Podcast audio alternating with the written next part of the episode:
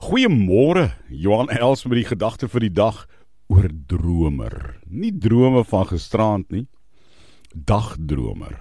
Genesis 37 vers 19. Het sy broers hom gespot. Dis nou Josef met daai pronkgewaad kleed, die lang rok en die groot moue.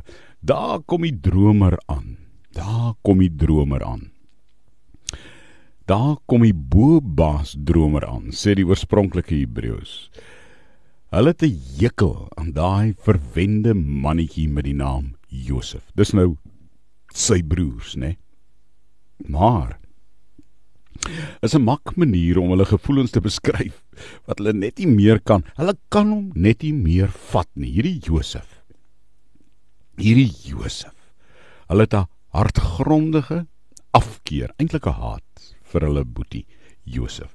Letterlik staan daar in die Hebreëus hulle het hom gehaat. Hierdie dromer. Daar kom die ou dromer alweer aan. Weet, dis 'n regtig wonderlike ding om God se dromer te wees.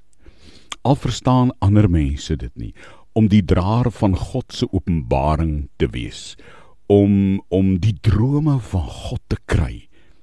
God het vir Josef gesê ek gaan jou nog ver vat. Hy het eerste minister gewraak van Egipte, né? Nee?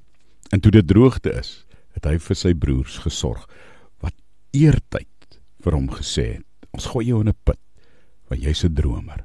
Kom ons droom nuwe drome los vir ons se God vandag."